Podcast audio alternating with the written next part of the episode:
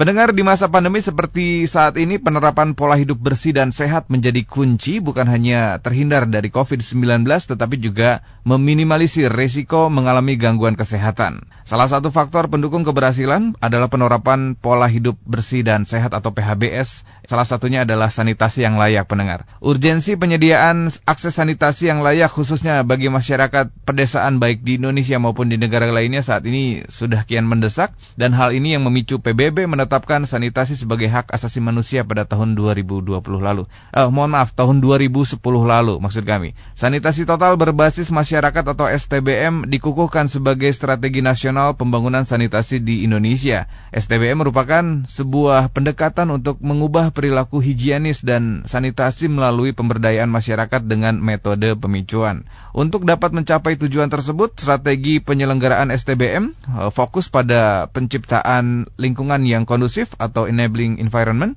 peningkatan kebutuhan sanitasi atau demand creation, serta peningkatan penyediaan akses sanitasi atau supply uh, improvement. Nah, salah satu pilar STBM yang menjadi target percepatan yang harus dicapai adalah salah satunya adalah open defecation free atau stop buang air besar sembarangan. Karena tentunya hal ini menjadikan dampak atau memberikan dampak negatif bagi kesehatan. Lalu bagaimana kondisinya saat ini atau lebih khusus di Kota Bandung? Sudahkah masyarakat memiliki akses sarana jamban yang sehat? Senang sekali saat ini kami akan temui dan berbincang langsung bersama Ibu Hajah Siti Muntamah SAP selaku Ketua Forum Bandung Sehat yang sudah terhubung melalui sambungan telepon. Assalamualaikum Sampurasun, Umi Siti Damang. Waalaikumsalam warahmatullahi wabarakatuh. Sampai Alhamdulillah. Alhamdulillah. Luar biasa. Alhamdulillah di hari pertama Ramadan dan semangat. Semangat terus ya Umi ya. Udah. Iya, harus semangat. Semangat terus. Sedang di mana Mi? Di kantor atau kebetulan ada agenda lagi di luar nih, Iya, Mi? saya lagi di Sumedang ceritanya. Oh gitu. Ada agenda apa Mi? Iya. Kalau boleh cerita Mi? Kebetulan hari ini saya sedang berapat dengan Mhm. Halo? Bilang, ya, Halo, Umi?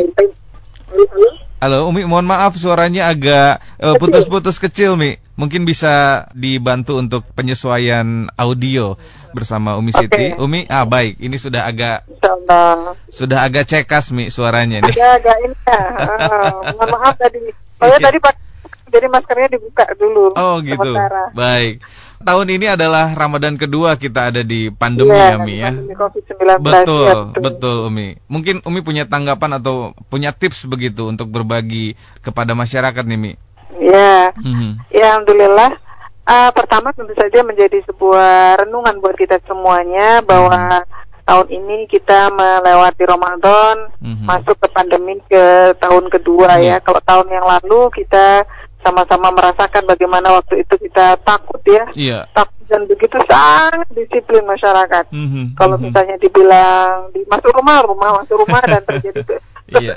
Sepi di mana-mana. Tetapi hari ini fenomena ini setelah satu tahun COVID-19 bersama kita Mhm. dan ada vaksinasi gitu ya, Iya. kita melihat ada beberapa perilaku masyarakat yang cukup mengkhawatirkan Mhm. keterkaitan dengan eh, menurunnya ya Mhm, kedisiplinan menggunakan masker. Mhm, mhm. Sementara kalau kita lihat angka, angka itu masih sangat mengkhawatirkan. Mhm. Kalau saya lihat di Kota Bandung misalnya Mhm, gitu ya, mhm. kenaikan apa Ya. yang positif aktif itu di angka hampir 700 gitu ya. Mhm, mhm. Kemudian yang suspek itu 1000 sekian, Iya. yang dalam pemantauan juga angkanya 1000 sekian. Mhm, Kalau mhm. di jumlah jambleh gitu ya, hampir mendekati 3000. Iya. Ini kan angka yang sangat luar biasa. Wow. Mhm. Setahun yang lalu kalau misalnya ada tambah dua aja yang positif Mhm. ketahuan gitu ya, Mhm, mhm. kita sudah ketakutan luar Iya. biasa begitu. Hari Iya. ini rasa takut masyarakat sudah menurun dan masyarakat sepertinya lebih berani. Yang ketiganya masyarakat barangkali dengan dinamika yang ada satu tahun ini mengajarkan banyak hal Mhm. sehingga masyarakat bisa mensikapi. Mhm, Untuk mhm. itu pada kesempatan kali ini tentu Mhm. saja meskipun vaksinasi tetap kita kita Mhm. selenggarakan dan Iya. kita kejar targetnya sampai di tahun du- 2022 nanti. Mhm, mhm. Yang tidak boleh kendor itu adalah Mhm. protokol kesehatan bermasker. Mhm. Apa pun yang terjadi meskipun masyarakat mengalami kejenuhan, Iya. tetap 5M itu tetap Mhm. harus kita Mhm. kita kampanyekan tanpa henti Ya. termasuk yang ada di radio nih radio fit nih harus kerawatnya kayaknya seribu kali. Karena Nah, memang mau bertambah berapapun kita tetap takut nih sebetulnya. Jadi protokol tetap Betul. selalu di tidak kendor begitu di di kami. Baik Umi terima kasih banyak di tengah agenda hari ini masih tetap bisa menyediakan waktu untuk bergabung bersama kami. Ya, kami penasaran insya Mi, bagaimana sebetulnya kondisi dan juga eh, perkembangan penerapan eh, STBM begitu di masyarakat dan salah satunya adalah open defecation free ini Mi. Ya. Mungkin boleh dijelaskan pengertian dari ODF ini apa dulu Mi untuk, Ya. untuk masyarakat Mi? Jadi ceritanya begini nih, ceritanya sebagai forum kota sehat. Iya, iya. di mana kita kalau kita lihat ngomong ngobrolin tentang ko- kota sehat, kota yang nyaman, kota yang bersih lingkungannya, kota yang bersih udaranya, kota yang bersih airnya kan begitu ya. Iya. Memiliki eh, apa namanya masyarakat sosial yang Mhm, sehat mhm. juga, masyarakat gotong royong dan lain sebagainya. Mhm. Dan salah satu yang dijadikan program secara nasional itu adalah STBM 5 pilar tadi. Mhm, Yang pertama adalah stop BABS, Mhm, yang kedua mencuci tangan pakai sabun CTPS, mhm. pengelolaan air minum dan makanan rumah tangga Ya, dan ya. pengelolaan sampah rumah tangga dan pengelolaan limbah cair dari Mhm. rumah begitu ya. Mhm, mhm. Ini adalah satu ke- kesepakatan bersama untuk mencapai ke SDBM. Iya, Tetapi secara khusus ternyata pemerintah pusat sangat memperhatikan tentang kalau yang sekarang itu adalah keterkaitan dengan open defecation free, Mhm, yaitu perilaku ya, di ABS ya, Iya, iya. eh, buang air besar sembarangan. Mhm. Dan ternyata ini memiliki sebuah dampak yang sangat luar biasa dengan adanya perhatian BABS ini. Sehingga setiap kota dan kabupaten berbenah gitu ternyata Mhm. setelah ditelisik lebih dalam, wah APR-nya panjang banget tuh. Salah satunya adalah kota Bandung, kota yang indah, kota yang kalau orang datang ke sini tuh romantisnya luar biasa. Iya. Banyak yang memiliki kenangan yang begitu sangat Mhm, indah mhm. dengan kota ini, tetapi Mhm. ternyata kota ini memiliki beberapa catatan-catatan. Salah satunya adalah bahwa ternyata keluarga-keluarga yang ada di kota Bandung masih banyak yang melakukan BABS gitu ya, Hmm. buang air besar sembarangan. Apa itu indikatornya? Indikatornya adalah salah satunya adalah eh, akses sanitasinya masih Hmm. 70% ya akses sanitasi ini Mhm. antara air bersih dan air kotor. Mhm. Kemudian kita lihat juga kelurahan yang ODF baru tujuh- 17 kelurahan Iya. kan sementara kalau kita lihat jumlah eh, kewilayahan di Kota Bandung ini terdiri dari 30 kecamatan 151 kelurahan. Mhm. Artinya baru di angka 17 persen. Untuk itu 11 persen untuk itu, Iya. insya Allah gitu ya tentu saja Forum Kota Sehat tidak tinggal diam bersama masyarakat ini Mhm. berupaya Mhm. untuk menaikkan jumlah bahwa eh, masyarakat sudah memiliki Mhm. pengetahuan dan memiliki Mhm. literasi keterkaitan ber- berbahayanya BABS ini. Iya, iya. BABS ini. Kalau di jumlah jamblek satu hari itu sampai lima setengah ton tinja yang mengotori sungai-sungai dan uh, Hmm. selokan kota Bandung karena ada kurang lebih 200 ribuan lah ya Mhm. keluarga yang masih BABS. Iya. Untuk itulah Mhm. kami berbenah sedemikian rupa melakukan akselerasi-akselerasi Mhm. diawali Mhm. dari pemicuhan, memberikan literasi kepada masyarakat secara berjenjang, dilakukan juga oleh sanitarian, dilakukan oleh relawan-relawan Forum Bandung Sehat, Iya. bekerja sama dengan LPM, Karang Taruna, tokoh masyarakat, Iya, iya. itu semuanya untuk memberitahukan, untuk me- mengajak dan mengajarkan kepada masyarakat bahwa BABS itu sangat sangat sangat sangat berbahaya untuk kehidupan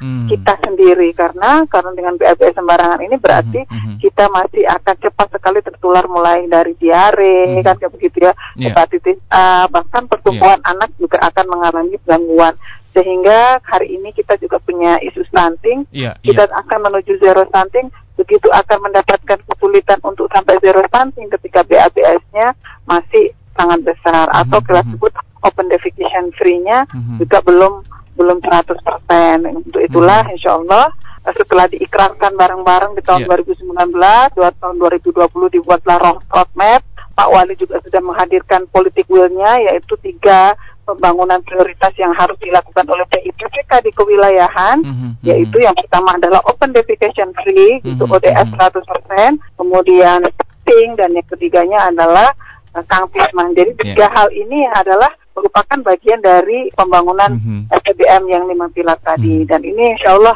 sampai bulan Mei kita akan kejar minimal ada 91 kelurahan yang Amin. open defecation free atau Amin. yang sudah bebas Baik. dari buang air besar sembarangan. Baik, terima kasih Haturun Umi penjelasannya detail sekali. Sebelum lebih jelas ini terkait dampak negatif yang bisa dirasakan oleh masyarakat. Sebetulnya hal apa yang mendasari beberapa wilayah khususnya di Kota Bandung ini masih belum terbebas dari ODF ini Mi? Apakah memang dari edukasi atau ada hal lain begitu Mi? Ya, pertama adalah tentu saja kalau kita awalnya adalah dari literasi. Ternyata tidak setiap keluarga itu memiliki pengetahuan yang lebih lengkap keterkaitan dengan bahwa uh, buang air besar sembarangan itu berbahaya. Jadi hmm. dianggapnya lumrah-lumrah saja. Hmm. Kalau jamban dengan merek Totonya itu ternyata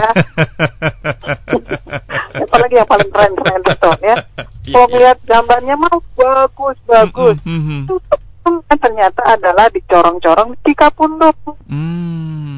Kan kalau kita lihat kota Bandung itu yang paling terkenal adalah sungai yang melegenda yeah, yang iya, membelah yeah, kota yeah. ini yaitu kita kita uh, uh, sungai Cipat Cikapundung. Yeah, Jadi yeah. kalau kita lihat itu masih banyak sekali tuh paralon-paralon yang menjorok tuh ya, gitu ya. Mm, Jadi kita yeah, bisa yeah. bayangkan gitu bahwa ternyata oh mm. berarti masih dibuang di sungai begitu, mm. sehingga kita perlu ya melakukan edukasi. Jadi mereka pertama tidak tahu kalau itu salah itu hmm, ya gitu ya. Hmm, hmm, jamban yeah. kalau kita punya jamban yeah. gitu.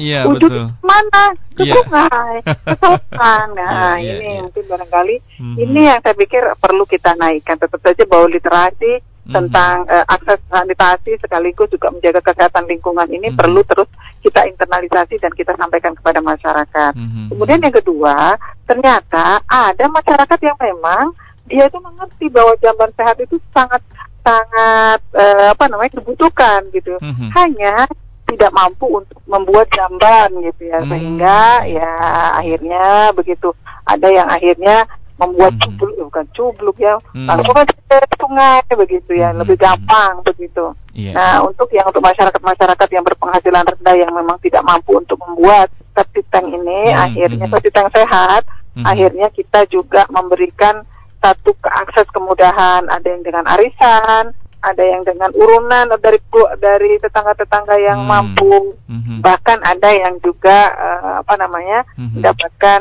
ini apa CSR gitu ya hmm. dari beberapa perusahaan-perusahaan atau pihak-pihak hmm. ketiga dunia usaha yang mampu memberikan uh, jamban sehat buat masyarakat. Hmm. Ada yang sendiri, ada yang juga komunal dan kebanyakan hmm. yang daerah daerah-daerah yang uh, apa akses sanitasinya di bawah 50 persen hmm. kita hmm. buat jamban-jamban komunal hmm. skala sampai 100 sampai 200 kakak jadi kita hmm. bisa bayangkan 200 kakak ya itu ada kurang lebih kalau satu kakaknya ada empat ya 200 kakak itu ada 800 orang 800 hmm. orang BAB satu hari itu tiga kali misalnya dua kali lah paling enggak yeah, jadi yeah. kita bisa bayangkan 1600 kali itu ter, ter apa namanya terselamatkan hmm. jadi jadi sehat ini yang sekarang kita sedang gencarkan gitu. Yeah. Bahkan kita sudah melakukan selain melakukan pemisuhan, melakukan koordinasi sampai kemudian mm -hmm. uh, kota forum-forum kota set membuat enam koordinator korwil, koordinator wilayah mm -hmm. yang langsung mm -hmm. turun mengecek kemudian memastikan hmm. apa yang dilakukan oleh warga, apa yang dilakukan oleh masyarakat, hmm. apa yang dilakukan oleh tokoh masyarakat termasuk juga pihak-pihak ketiga untuk yeah. membantu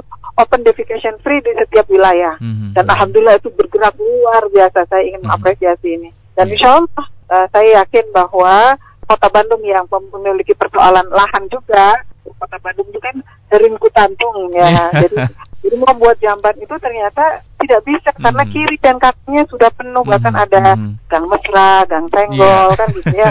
Sehingga ada beberapa masyarakat yang yang kemudian setelah diedukasi kemudian mereka me, hmm. uh, menerima kalau jamban ah, bukan jamban, ya jamban sehatnya hmm. atau septic tanknya hmm. ditaruh di bawah gang-gang mereka. Jadi hmm. gangnya itu bawahnya adalah uh, septic tank, atasnya adalah hmm. jalan. Bahkan juga ada beberapa daerah yang kita akhirnya hmm inisiasi untuk di jamban sehatnya ditaruh di tanah lapang uh, hmm. SD kalau misalnya hmm. berdekatan dengan hmm. sekolah dasar begitu. Baik. Ini yang coba dilakukan oleh pemerintah Kota Bandung yeah. ya. Tentu saja ini adalah merupakan mengawal politik will yang sudah disampaikan oleh mm-hmm. oleh Pak Wali begitu ya uh, tiga hal yang harus kita lakukan di tingkat wilayah. Mm-hmm. Baik ya, Umi memang setuju sekali. Eh, selain dari uh, pemerintah kota begitu bersama pihak-pihak yang lain uh, mengakselerasi begitu program ini, ini diperlukan juga literasi dan edukasi di kalangan masyarakat agar memang paham efek negatif yang bisa didapatkan begitu ketika memang uh, ADF ini belum nol begitu ya, nol, belum yeah. belum terbebas begitu. Nah seperti apa Umi dampak dampaknya nih? ada sebutan kota Bandung teh. Iya, apa Mi? Garelis Monte Ombe. Karena masih ada lima setengah ton tinjanya setiap hari bergentayangan di Iya. selokan-selokan dan sungai. Iya. Gitu. Baik, bagi Anda juga pendengar yang ingin berinteraksi dan berkonsultasi langsung bersama Umi Siti silahkan WhatsApp dan SMS kami nomornya di 0811 2102948 kami ulangi sekali lagi nomornya di 0811 2102948 ataupun juga bisa melalui Twitter @fitradio_bandung. Baik, Mi, ini sebetulnya dampak negatif yang bisa dirasakan masyarakat selain tadi penyakit yang eh, diare begitu ya? Mhm. secara sosial juga apa yang yang bisa terjadi Mi ketika memang eh, belum terbebas dari ODF ini Mi? Ya banyak lah pasti. Mhm. Kalau kita berbicara tentang sosial, kita akan berbicara tentang sistem masyarakat. Mhm. Kebayangkan setiap hari melakukan, emang kalau membuang BAB sembarangan itu gak dosa. Dosa Hmm. Orang lain harus mikirin kan begitu. Mhm. Airnya jadi tercemar, bahkan kualitas kesehatan juga Iya. terpengaruh gitu ya. Dan yang sangat mengerikan lagi ternyata mempengaruhi dari kualitas kecerdasan anak-anak kita. Sementara kita Oke. sedang menyiapkan Indonesia emas dengan hadirnya SDM berkualitas untuk mampu mengelola masa Iya, depan iya, serta mengelola sumber daya serta mengelola Iya. kesempatan-kesempatan di masa yang akan datang untuk cita-cita luhur kita Mhm. mewujudkan Indonesia yang maju, berdaulat, adil dan makmur. Mhm. Saya pikir ini adalah kata kunci yang penting bahwa ternyata BABS ini mempengaruhi memiliki pengaruh yang sangat besar untuk tercapainya cita-cita kita bersama yaitu Mhm. yang tadi saya sebutkan tadi. Nah, untuk itulah perlu kita sadari bersama bahwa BABS yang setiap hari dan secara kontinu dan sustain ini selalu kita Mhm. kita lakukan di setiap hari ternyata telah menggoreskan sebuah apa ya kok ya eh, faktor yang sangat Hmm. buruk gitu ya. Iya. Untuk itulah dengan melakukan eh, apa namanya ada gerakan bersama-sama ya kita Mhm, semuanya mhm. bergerakan bersama-sama untuk cegah BABS atau open defecation Mhm. free ini Mhm. secara bersama-sama dan berkesinambungan serta terintegrasi secara baik. Salah satunya adalah kita akan mengantarkan putra putri kita menjadi putra putri yang Mhm. cerdas, putra putri yang berkualitas, yang mampu mengemban tugas-tugas kepemimpinan di masa yang akan datang. Jadi judulnya adalah bahwa dengan jamban sehat kita Ya. bisa menyelamatkan generasi dan peradaban di masa yang akan datang. Kan menarik banget tuh kalau kita lihat Ya. begitu ya. Iya, ini Bahwa juga urusan jamban ini ternyata Iya, urusan legacy urusan juga ya. Gitu ya. Iya, betul. Betul adil dan makmur dah, Mhm, dah mhm. ternyata masih BABS kene gitu ya. Jadi jangan Iya, jangan iya. harap adil dan makmur itu tercapai ketika Mhm. kita masih BABS. Itu Baik. dari sisi Mhm. itu saja udah sangat eh, apa namanya? sangat terlihat begitu. Mhm. Baik Mi Punten, ini dari target yang dicanangkan begitu ya, Kota Bandung terbebas dari ODF. Ini sebetulnya hitungan tahun keberapa dan berapa persen barangkali mungkin terlewat juga tadi Mi? Ya, pertama gini, saya itu dilantik menjadi ketua forum kota saya itu tahun 2019. Waktu itu kemudian bersama teman-teman, yuk kita melakukan sesuatu untuk kota ini lebih sehat. Iya, iya. Buatlah kita beberapa kegiatan-kegiatan. Salah satu kegiatannya di, tahun- di tahun 2019 itu adalah pencanangan. Ya, kalau kata bersih satu, eh, kegiatan bersih satu itu, kemudian bersih dua, bersih dua Mhm, itu dalam mhm. peduli taman dan ODF 100% itu di tahun 2019 Mhm, kita mhm. sepakati Hmm. ODF 100% tahun 2020 tahun lalu dan Hmm. kita sedang berjalan menuju itu waktu itu Hmm, Belum iya. sampai kemudian terjadi perubahan nah kenaikan eh, sanitasi akses sanitasi Hmm. yang sebelumnya itu hanya 63 Hmm. naik sampai 70 gitu keren banget itu Hmm. baru berapa bulan yang Iya, tiga iya. bulan hampir mau tiga bulan Hmm. tapi keburu covidnya datang bulan Mei eh bulan Maret Mhm. langsung kita semua buyar pikirannya adalah Iya. eh, mengedukasi membagi masker kan begitu Iya, iya. buat apa namanya mencarikan tempat isolasi Mhm, termasuk juga membantu pemerintah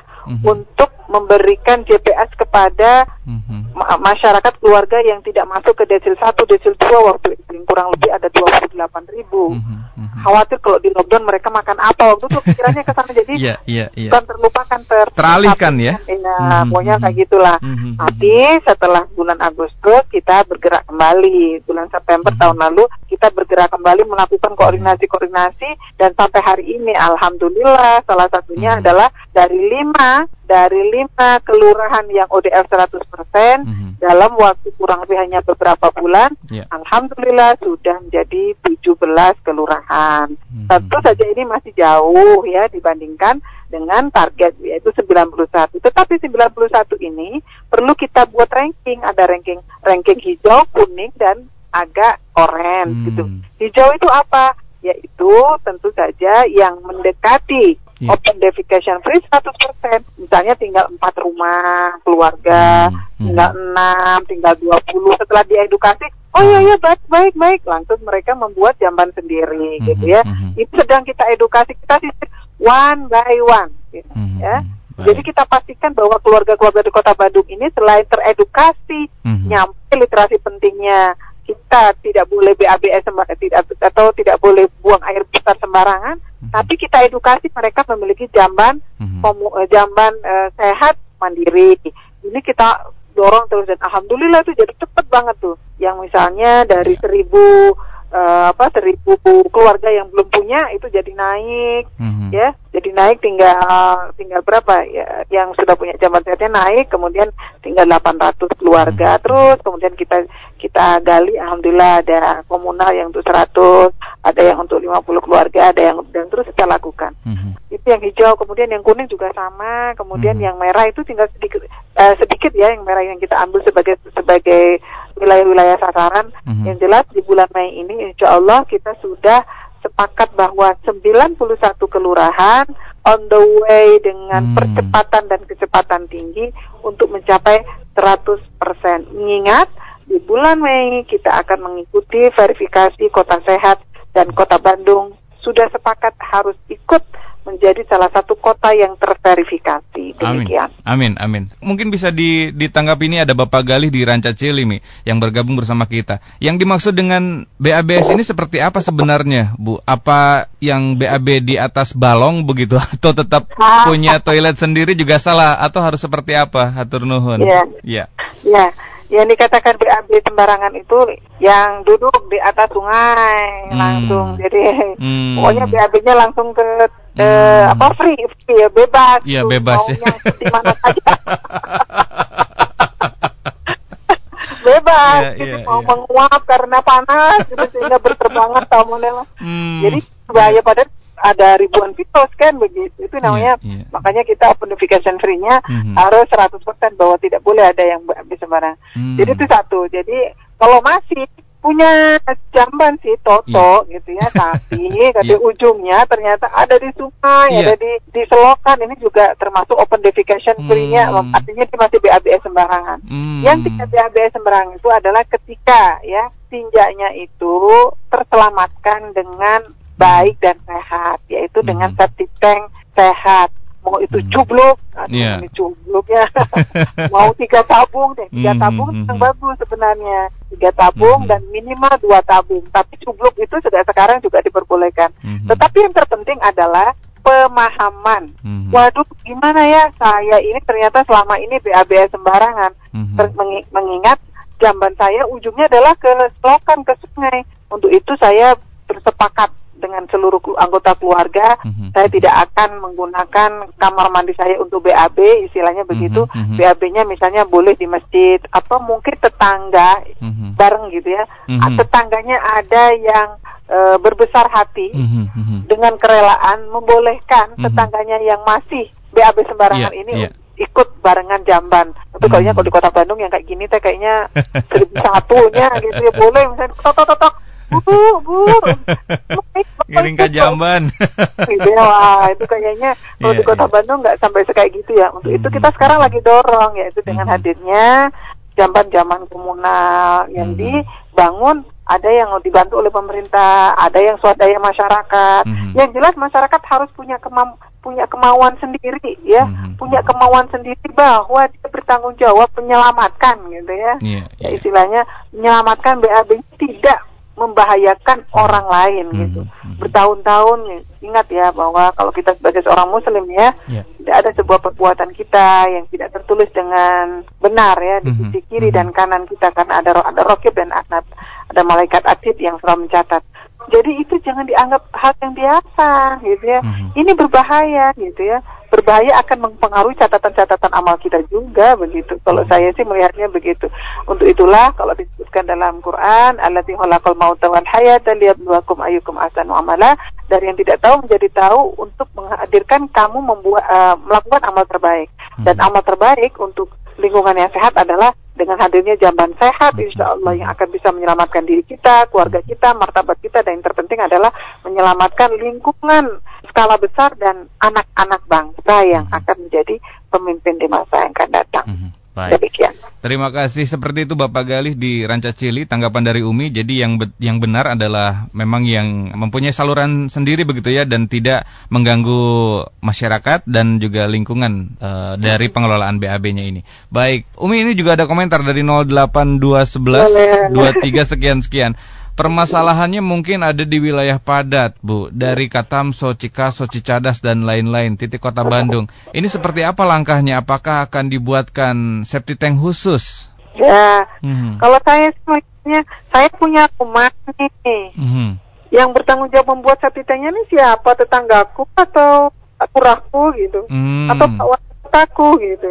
Ya, Ya. gimana rumah sakit sempit banget gitu. Hmm. Sebenarnya ada beberapa metode di dalam membuat septic tank ini. Mhm. Ya salah satunya adalah ada yang me- apa ya itu namanya dengan legowo gitu ya. Hmm. Legowo salah satu kamarnya, terus kemudian dapurnya, bawahnya itu adalah septic tank. Yang jelas adalah ha, setiap diri kita bertanggung jawab ngurusin BAB kita sendiri Hmm. gitu, jangan orang lain. Hmm. Itu satu. Kemudian yang Iya. kedua, tapi Mhm. ternyata masih ada masyarakat yang tentu saja perlu dibantu gitu. Mhm. Karena apa?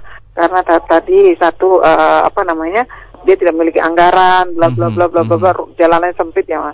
Tentu Iya. saja dengan penuh tanggung jawab berbasis keadilan Mhm. dan berbasis berbasis eh, penyelamatan ya. Akhirnya kita membuat rempuk barengan itu, Mhm. termasuk juga Pak Camat, Pak Lurah, diedukasi Pak RW, Pak RW, Karang Taruna ini barengan rempuk bersama Forum Kota Sehat, Kecamatan Sehat ya, untuk eh, merempuk kira-kira apa yang harus dilakukan di sebuah daerah. Pertama adalah eh, mengakses akses air kotor yang milik PDAM. Kalau memang di daerah itu tidak ada, ya mau tidak mau harus dibuat jamban. Atau di tempatnya nggak ada ya, sepakat ya bareng dengan seluruh masyarakat. Yuk nggak apa-apa pakai ini aja, pakai apa gangnya gitu ya. Mhm. Dibuatlah perencanaan sedemikian rupa berapa berapa eh, ininya apa namanya biayanya. Mhm. Ada nggak anggaran bisa diakses? Anggaran pemerintah pertama Mhm. tentu saja. Yang keduanya adalah ketika anggaran pemerintah tidak ada, jangan diam gitu ya. Mhm. Mana harus orang lain kita semua pusing mikirin karena anda ber BAB sembarangan gitu ya, gitu Iya. ya. Berarti Ya, Mi ini itu- sebetulnya sudah mohon maaf Mi. Berarti ini sebetulnya sudah ada sosialisasi begitu ke setiap Oh, kelurahan ya? tanpa henti. Tanpa henti ya, Mi, ya? Untuk dan mengenai hal ini ya? Makanya saya bilang Hmm. kota Bandung sebagai kota pendidikan, masyarakatnya hangat dan orang-orangnya cerdas, Mhm. harusnya yang begini lebih cerdas begitu. Mhm, mhm. Buk- Ini bukan tugas pemerintah, tapi Hmm. pemerintah membantu gitu ya.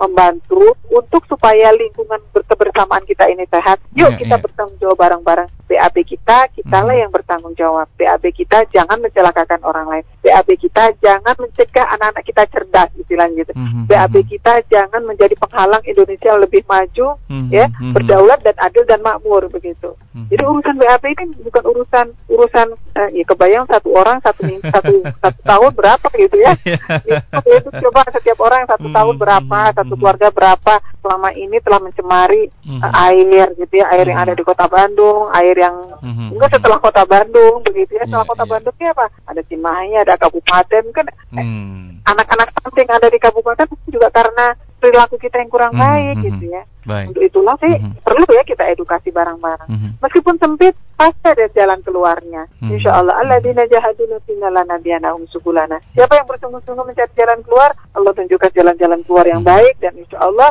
kalau kita bersama-sama sesuatu yang mungkin dikatakan berat, tidak ada yang kata-kata yang berat sebenarnya, Mhm, mhm. tapi seberapa banyak bahu yang akan memikulnya. Jadi lebih lebih ringan. Untuk itu setiap masyarakat kok bareng-bareng kita sadar diri gitu ya. Mhm. Sadar diri, lagi-lagi sadar lagi, kesadaran yang lebih mendalam lagi dan Iya, iya. melahirkan tanggung jawab yang kuat bahwa dengan memiliki jamban sehat Mhm. akan menyelamatkan kehidupan, kenyamanan kota yang kita huni saat ini. Baik, Umi jika ada masyarakat begitu yang ada di su suatu wilayah yang memang belum mempunyai uh, sarana akses jamban sehat begitu, Mi, sebetulnya bisa melaporkan ke mana, Mi? Kan ada itu, ada RW-nya. Sekarang hmm. Pak RW mah disuruh mendata, ada. Oh begitu ya, bisa bahkan, langsung ya. ada hmm. bahkannya nih. Iya. Kan sekarang lagi pendataan keluarga tuh. Hmm. Nah, di salah satu pertanyaan hmm. dari yang kalau saya baca ya kuesioner hmm. kuesioner yang harus diisi oleh masing-masing keluarga pendataan kependudukan yang dilakukan oleh BKKBN secara berjenjang ini, yeah. salah satu poinnya itu ditanya apakah anda memiliki jamban sehat. Hmm di situ sebutkan yeah, yeah, septic tank mandiri, septic yeah. tank komunal, nggak ada pertanyaan di sungai, di kolam, gitu ya. Atau di selokan ya. nggak ada gitu. Baik, baik. Mm -hmm. Ada ini kota Bandung yang luar mm-hmm. biasa ini. Baik. Catatannya itu kalau kita lihat ya, di Cikapundung yang ada di tengah hmm. kota di Jalan Cikapundung itu masih ada yang jual kok kalau malam-malam gitu di malam-malam yang gelap yeah. artinya bahwa ternyata hmm. ya kembali lagi kepada perilaku masing-masing hmm. begitu ya hmm. untuk itu tak henti-hentinya lah kita sebagai warga hmm. yang terus ya mengedukasi masyarakat dengan penuh cinta dan kasih sayang hmm. yuk bah, kita terus mengajak gitu. Jadi mm-hmm. termasuk ini red covid nih yeah, harus yeah. lewat ini, jangan BAB sembarangan ya. Jadi yeah. kalau enggak nyari nyari masjid mm-hmm. gitu, jangan ngelihat ada sungai kayaknya sudah menemukan sesuatu gitu. Itu bahaya sekali buat orang lain ya hati-hati. Umi satu lagi ya, ini ada dari Ibu Fani di GBI, Mi. mungkin bisa ditanggapi. Jarak yang baik atau sehat antara toilet dengan septic tank ini sebetulnya seperti apa, Bu? Dan kalau ada sumber air harus sumur ya? Iya, sumur sumur betul. Karena ya. banyak juga perumahan saat ini. Ya. Mm-hmm. Pada dasarnya begini, ini juga ada apa ada aturannya. Yang jelas adalah bahwa septic tank ini tidak akan mempengaruhi gitu ya mm-hmm. sumber-sumber air. Mm-hmm. Gitu. Tentu mm-hmm. saja ini harus di dibicarakan ya dengan mm -hmm. para ahli gitu ya. Mm -hmm. Karena kalau masang septic tank itu tidak sembarangan mm. Ada yang namanya bioseptic gitu. Jadi tidak akan bocor gitu. Mm -hmm. Ada begitu ya. Yeah, yeah. Bahkan ini kalau menurut saya penting banget gitu bahkan mm-hmm. yang tiga tabung itu juga sangat ideal gitu tabung pertama ada lumpurnya keduanya itu airnya yang ketiganya terjadi penyaringan mm. sehingga airnya juga bisa langsung terserap dengan tanah itu yang paling ideal gitu yang paling mm. ideal jadi memang ada beberapa jenis septic tank nanti kita pilih mana yang paling paling uh, apa namanya paling aman mm-hmm. kalau memang ternyata di rumah kita ada sumber air misalnya mm-hmm. begitu mm-hmm. yang paling aman ya septic tank dengan tiga uh, tabung gitu karena hmm. nanti air yang keluarnya pun yang menyerap kepada kepada tanah itu sudah dipastikan uh, yang sudah aman begitu. Hmm. hmm. Kalau nggak bisa misalnya ya minimal dua gitu ya hmm. minim, minim, minimal dua dan ini sudah disepakati ini adalah yang sehat gitu ya hmm. sampai suatu hari lumpur tinjanya itu akan mengendap begitu hmm. mengendap sedemikian rupa ini nggak bisa dijelaskan karena yeah, yeah. karena ada gambarnya. Yeah. Tetapi yang terpenting adalah ada satu kemauan yang kedua adalah nanti lapor ke Pak RW-nya, RW-nya nanti lapor ke sanitarian gitu ya, mm -hmm. sanitarian dari uh, apa namanya uh, puskesmas. Nanti puskesmas juga akan memberikan gaya barengan mm -hmm. sama Pak Lurahnya, mm -hmm. kemudian Pak camatnya. Waduh ini sampai segitunya urusan jaman sampai urusan. Iya. nah untuk itu kalau misalnya bangun rumah pun juga harus ya, orang yang memiliki pengetahuan keterkaitan hmm. dengan septic tank jangan membuat ayo mau buat rumah gitu hmm. lantainya lantai tiga gitu tapi ujungnya ke sungai waduh itu kan menyakiti hati yeah, betul iya, nggak yeah, yeah, untuk membuat septic tank nggak hmm. bisa rumahnya tapi tingkat tiga gitu kita juga tentu saja sangat memprihatinkan dalam apalagi ini yang paling mengerikan membuat kos-kosan ada berapa kamar hmm. ada 30 yeah, kamar betul. tapi ternyata septic tanknya nggak di, iya. disiapkan yang disiapkan adalah paralon yang besar ujungnya adalah ke sungai hmm. wah ini tentu saja masyarakat pasti hmm. hmm ya memilih terdampak yang luar biasa. Hmm, hmm. Kebayanglah terdampak luar biasa. Padahal di dalam Al-Quran itu disebutkan menyelamatkan satu jiwa manusia seperti hmm. menyelamatkan seluruh. Jadi hmm. menyelamatkan satu insan sama dengan menyelamatkan seluruh insan gitu. Hmm. Demikian juga dengan sebaliknya, ketika memberikan kebahayaan kepada satu insan, membahayakan juga bagi seluruh insan. Hmm. Saya pikir prinsip-prinsip ini harus prinsip-prinsip yang sangat baik berbudi luhur hmm. ini harus kita pegang ya, hmm. dan kita sendiri insya Allah menghadapi tantangan-tantangan dinamika hmm. ini hmm. tidak sendiri. Itu dari Baik. saya. Terima kasih Hatur Nuhun Umi untuk tanggapan dan uh, sudah berinteraksi bersama pendengar. Ya. Sebelum closing statement Umi, mungkin ada ucapan bagi kita semua untuk seperti apa menjalani ibadah puasa tahun ini, Mi? Ya, Masya Allah, Alhamdulillah, Alhamdulillah, semua Alhamdulillah, wa Alhamdulillah, tanpa terasa kita sudah memasuki bulan yang waktu-waktu yang kita rindukan, dirindukan oleh semua manusia di di bulan Ramadan 1442 Hijrah ini. Himbauan saya adalah uh, karena ini adalah bulan ibadah meningkatkan nilai-nilai kemanusiaan, marilah kita optimalkan dan maksimalkan semua fasilitas yang Allah berikan kepada kita dengan sebaik-baik, penyikapan mulai dari ibadah dengan sangat baik ya, kehusuan sangat baik dan jangan pernah lupa kita pun juga harus tilawah Al-Qur'an karena Ramadan adalah syahrul Qur'an, bulan diturunkannya Al-Qur'an, perayaan Al-Qur'an atau ulang tahunnya Al-Qur'an. Untuk itulah marilah kita banyak berinteraksi dengan Al-Quran mulai dari banyak membacanya, mendulang tilawah, saya nyebutnya begitu, mentadaburinya, karena insya Allah nilai-nilai ada dalam Al-Quran itu adalah nilai-nilai yang hidup, yang terefleksi dalam kehidupan yang lalu, menjadi pelajaran buat kita yang hari ini dan yang akan datang dan yang jauh akan datang. Sehingga kita-kita menyelaminya akan memberikan suasana hikmah wal mau'idatil hasanah yang ketiganya, jangan pernah lupa bahwa di bulan Ramadan ada satu nikmat yang diberikan oleh Allah yang namanya sosial sehat. Dan sosial sehat diawali dari keluarga. Untuk itulah revitalisasi ketahanan keluarga bersama Ramadan harus kita selalu hadirkan mulai dari sahur bersama, sholat tarawih bersama, berjamaah bersama, tilawah bersama, bahkan berwasiat bersama dengan Ramadan, hmm. melewati masa-masa penting Ramadan. 10 hari pertama, 10 hari kedua, 10 hari ketiga harus kita manfaatkan sedemikian rupa untuk keluarga-keluarga kita yang berkualitas karena hari ini kita sedang diuji dengan keluarga, dengan kasus-kasus yang begitu sangat beragam di tengah-tengah masyarakat. Yeah. Ternyata ujung-ujungnya adalah bahwa persoalannya adalah ketika tidak terjadi keeratan, ya, hmm. keeratan cinta, kasih sayang dan ukhuwah dengan anggota keluarga. Untuk itulah, hmm. mari kita semuanya menjadikan Ramadan ini adalah menjadi keluarga yang baik di janati. Mm-hmm. Yang terakhir yang keempat karena hari ini kita juga sedang mengalami uh, wabah pandemi Covid-19, yeah. ada tuntutan sosial yang harus kita hadirkan untuk tetap menyelamatkan diri kita, keluarga kita dan masyarakat kita dengan mm-hmm. menghadirkan protokol kesehatan ya 5M plus jangan banyak jangan lupa banyak bersedekah karena banyak hmm. sekali saudara-saudara kita yang mendapatkan dampak dari COVID-19 ini salah satunya adalah dengan tidak memiliki uh, penghasilan atau penghasilan jadi menurun bahkan kalau hmm. kita lihat angka kemiskinan di Jawa Barat khususnya itu juga meninggi dan kota Bandung juga naik sedemikian rupa hmm. sehingga marilah di bulan Ramadan yang katanya bulan Ramadan bukan katanya bulan Ramadan ini adalah bulan kedermawanan yeah. kita hadirkan diri kita jiwa kita menjadi jiwa dan diri yang paling dermawan yang pernah kita alami. Semoga dengannya apa yang kita lakukan ini kita akan bisa me menyikapi keistimewaan Ramadan dengan dengan ibadah yang paling istimewa yang pernah kita hadirkan dalam usia pengabdian dan pengambahan kita kepada Allah Subhanahu wa taala. Semangat, raih yang terbaik dan jangan lupa menjemput malam Lailatul Qadar sebagai puncak dari keindahan yang pernah kita hmm. alami dalam kehidupan kita di dunia. Hmm. Itu jadi cerewet ya Ibu. Atur nuhun Umi, terima kasih. Terakhir mungkin Umi closing statement mengenai poin bahasan ODF yang kita angkat hari ini, Mi. Oh ya, saya mengajak kepada semua masyarakat, masyarakat, tokoh masyarakat, warga masyarakat, mari kita hadirkan jamban sehat di rumah kita. Open defecation free menjadi hal yang wajib untuk kota Bandung yang kita cintai ini menjadi kota yang lebih nyaman, lebih bersih, lebih sehat, dan tentu saja kota yang membahagiakan. Amin. Jadi yang BAB sembarangan berarti telah melukai cita-cita kebahagiaan kita bersama di kota ini. Mm -hmm.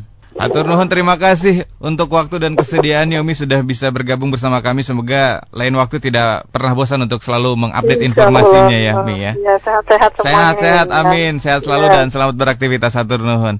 Demikian pendengar perbincangan kami bersama Ibu Hajah Siti Muntamah SAP selaku Ketua Forum Bandung Sehat.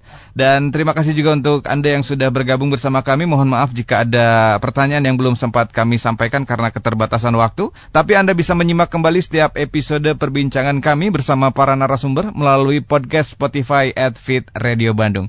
Hatur nuhun, tetap fit, tetap sehat, tetap semangat fit listeners, and stay fit for life.